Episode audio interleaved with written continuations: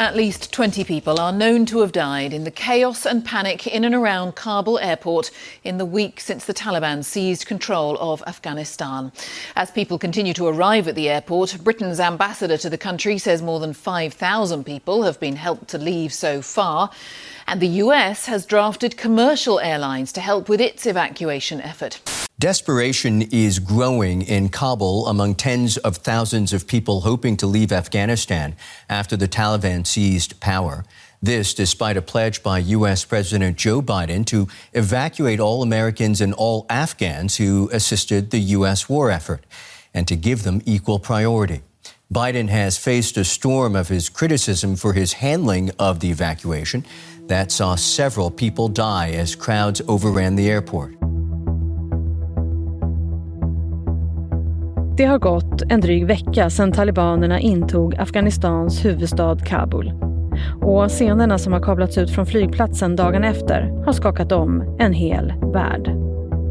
Men det råder fortfarande kaos kring flygplatsen och i helgen så har vi fått rapporter om att flera har dött i sin desperation att fly landet. FN har larmat om att Afghanistan nu står inför en total katastrof om omvärldens ledare inte omedelbart beslutar om att inleda en humanitär insats för det afghanska folket. Hungersnöd, hemlöshet och ekonomisk kollaps väntar om inget görs. Sen talibanerna tog över så har de försökt visa upp en modernare version av sig själva och säger sig vilja bygga en inkluderande islamsk regering för folket. Men hur mycket kan man lita på det? Redan nu har det rapporterats om tortyr och mord. Och senast de var vid makten, på 1990-talet, så levde det afghanska folket i ett skräckvälde. Är dagens talibaner samma som då? Eller kan de ha blivit modernare? Under tisdagen så kommer G7-länderna träffas och diskutera situationen och redan nu så har Storbritanniens Boris Johnson sagt att de kan komma att införa sanktioner mot Afghanistan. Hur är läget i landet just nu? Vad vill talibanerna och vad måste omvärlden göra för att inte helt överge det afghanska folket? Det här och mycket mer pratar vi om i dagens Aftonbladet Daily. Jag heter Jenny Ågren.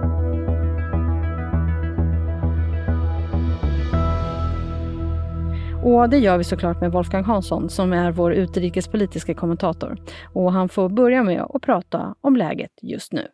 Ja, den har ju varit eh, väldigt kaotisk. Eh, dels har vi ju själva maktövertagandet från talibanerna och sen har vi de här, eh, den här kaosartade evakueringsprocessen av, av utländska medborgare som har pågått nu i en veckas tid och verkar behöva pågå ytterligare några veckor innan den är klar eftersom det är sånt kaos på flygplatsen.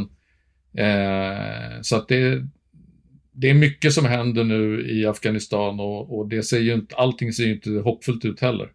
Nej, för vi såg ju hemska bilder från flygplatsen i Kabul förra veckan och det är fortfarande kaos där.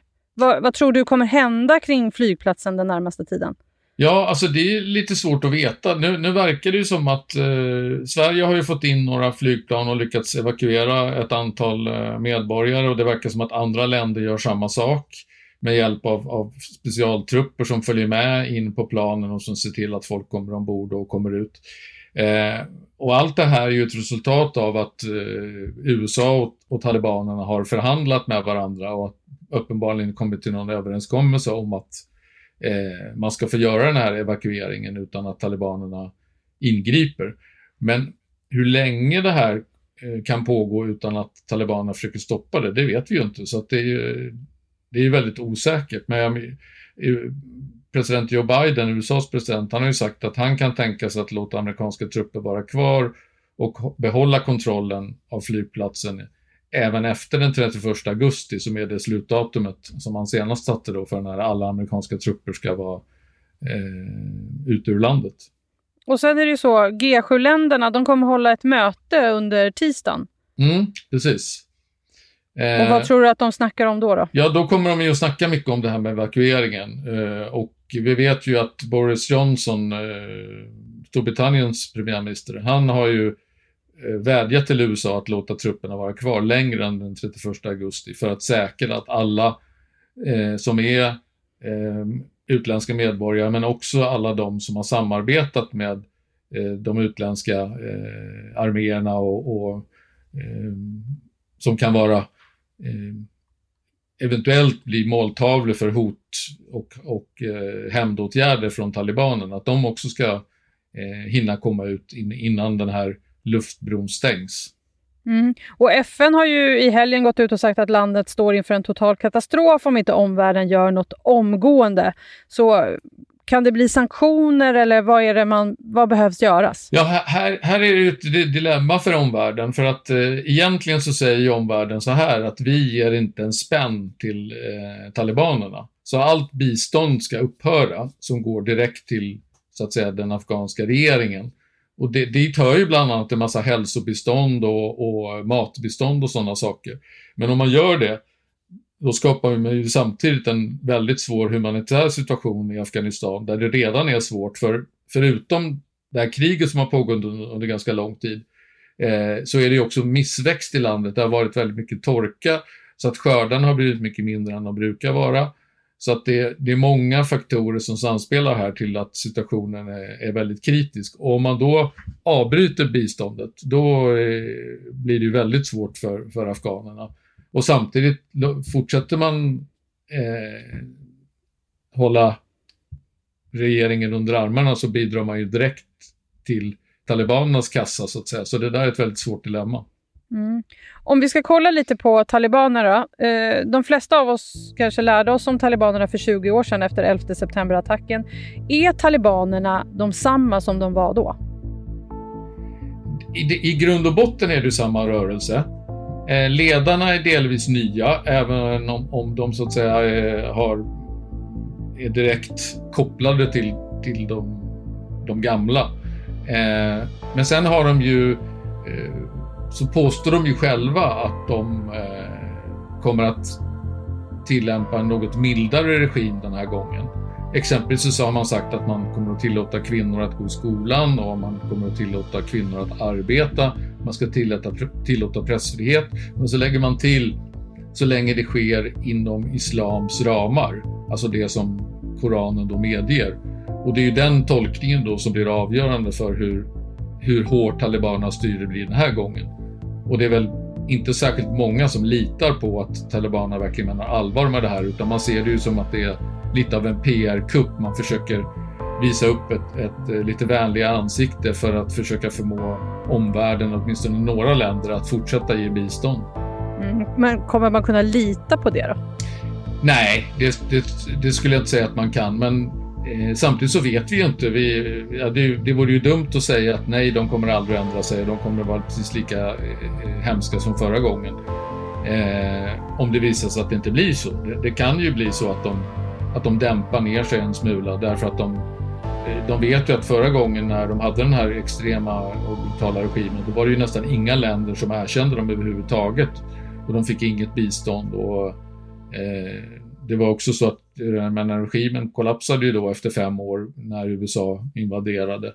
Så att om de vill sitta kvar någon längre tid så gör de kanske klokt i att inte vara lika extrema den här gången. Mm, jag hörde också att eh, någon försökte förklara med hur talibanerna var med att jämföra dem med att det var vår tids nazister. Ja, det, men det är väl en jämförelse som haltar en aning skulle jag säga. Men det är klart att de, de, man kan jämföra dem på så sätt att de drivs av en väldigt stark ideologisk övertygelse om hur de vill förändra samhället. Eh, och i talibanernas fall så, så vill de ha ett väldigt strikt islamistiskt styre där det är religionen som står i centrum snarare än politiken. Eh, så att, och de är beredda att, i, eller har varit i alla fall, att ta till i princip vilka medel som helst för att, för att nå det här målet. Det är lite, jag skulle jämföra med eh, de är inte internationalistiska i sin utblick. Det är en lokal rörelse som bara bryr sig om Afghanistan, men de, de påminner ju väldigt mycket om Islamiska staten i, när det gäller det här samhället som de vill styra. Och det såg vi i det kalifatet de bildade 2014 i delar av Irak och Syrien. Eh, det är väl liksom lite grann det som, som talibanerna vill uppnå. Mm. Många förknippar ju talibanerna med al-Qaidas eh, tidigare ledare Osama bin Laden och Mohammad Omar. Omar som var ledare för talibanerna på 90-talet. Ledaren idag, hur stark och förankrad är han bland talibanerna och i landet?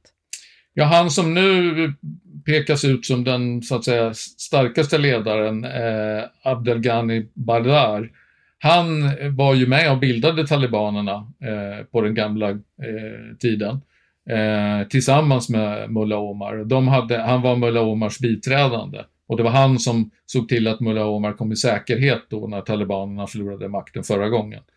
Eh, så att de är väldigt eh, nära förknippade så att säga med de gamla ledarna och det är ju eh, Mulla Omars son är, är, också en av ledarna i rörelsen. Eh, så att eh, det finns väldigt starka kopplingar tillbaka till de ursprungliga, ursprungliga talibanerna så att säga. Det vi har sett nu senaste tiden är ju att det inte verkar finnas något riktigt motstånd eh, i Kabul i alla fall. Men finns det något motstånd kvar i landet? Ja, Några som fortfarande strider? Jo, det gör det faktiskt. Eh, det finns i, i, ett, i ett område som heter Panjshirdalen som ligger bara några timmars bilresa ifrån Kabul. Eh, det är ett område som är omgivet av väldigt höga berg och den enda vägen in och ut är via smala bergspass. Eh, och där så har eh, de som så att säga är beredda att ta upp ett väpnat motstånd mot talibanerna förskansat sig.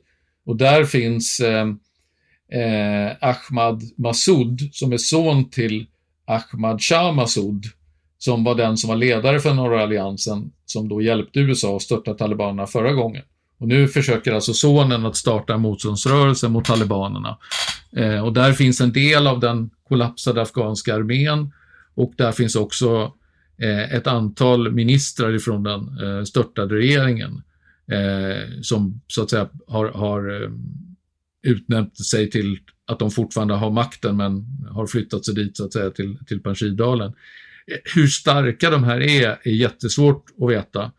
Eh, men jag hörde idag att eh, talibanerna ska skicka eh, trupper till Panjshirdalen för att försöka inta det här och kasta ut den här, den här sista motståndsfickan. och lyckas de med det så kommer de ju kontrollera hela landet. Och samtidigt ska vi veta att det, är ju, det finns ett väldigt starkt folkligt motstånd mot talibanerna och det de står för. Många afghaner vill ju inte ha tillbaka det här extremt, extrema religiösa styret. Så att finns det en motståndsrörelse som verkar eh, trovärdig och som, där det finns liksom en chans att man skulle kunna bjuda talibanerna ett motstånd så det är nog inte så svårt att få eh, afghanerna att, att ansluta sig dit och, och, och strida för den här rörelsen.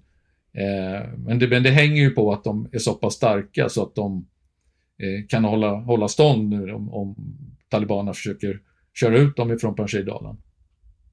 Vad tror du att vi kan vänta oss av talibanstyret den närmaste tiden? Ja, det vi väntar närmast är ju att vi ska få en ny regering. De har ju fortfarande inte, inte utropat det här Islamska emiratet som de hade förra gången. Eh, och de sitter ju och förhandlar med delar av den gamla maktapparaten i Kabul för att se om de kan bilda någon slags, jag vet inte om man ska kalla det en samlingsregering, men att det ska finnas inslag i regeringen av personer som inte är talibaner för att visa att, att talibanerna så att säga är, är beredda att börja på ny kula den här gången. Eh, och när de väl, när vi får reda på hur det går med den här regeringen så får vi också en, lite mer indikation på hur, hur styret kommer att se ut. Och samtidigt så kommer det ju väldigt oroande rapporter eh, från ute i landet där eh, människor avrättas eller eh, piskas och straffas på olika sätt för att de sätter sig upp mot eh, talibanerna. Så att eh, det, det, är väldigt dubbla signaler vi ser så här långt ifrån talibanerna. Finns det något hopp för den afghanska befolkningen, för de som inte stöder talibanerna? Man kan, man, ska, man kan ju inte säga att det aldrig finns något hopp. Det är klart att det finns hopp, men om man med, med det menar att, att, att, att de ska kunna leva ett normalt liv utan att och, och fortsätta liksom ha någon slags eh, frihet så är ju den eh, möjligheten förmodligen väldigt begränsad eh, när talibanerna väl har kopplat greppet om makten eh, ordentligt. Tack för idag Wolfgang. Tack så du ha. Sist här hörde vi Wolfgang Hansson, vår utrikespolitiska kommentator. Jag heter Jenny Ågren och du har lyssnat på Aftonbladet Daily. Håll dig uppdaterad om allt kring Afghanistan på aftonbladet.se. Vi hörs snart igen. Hej då!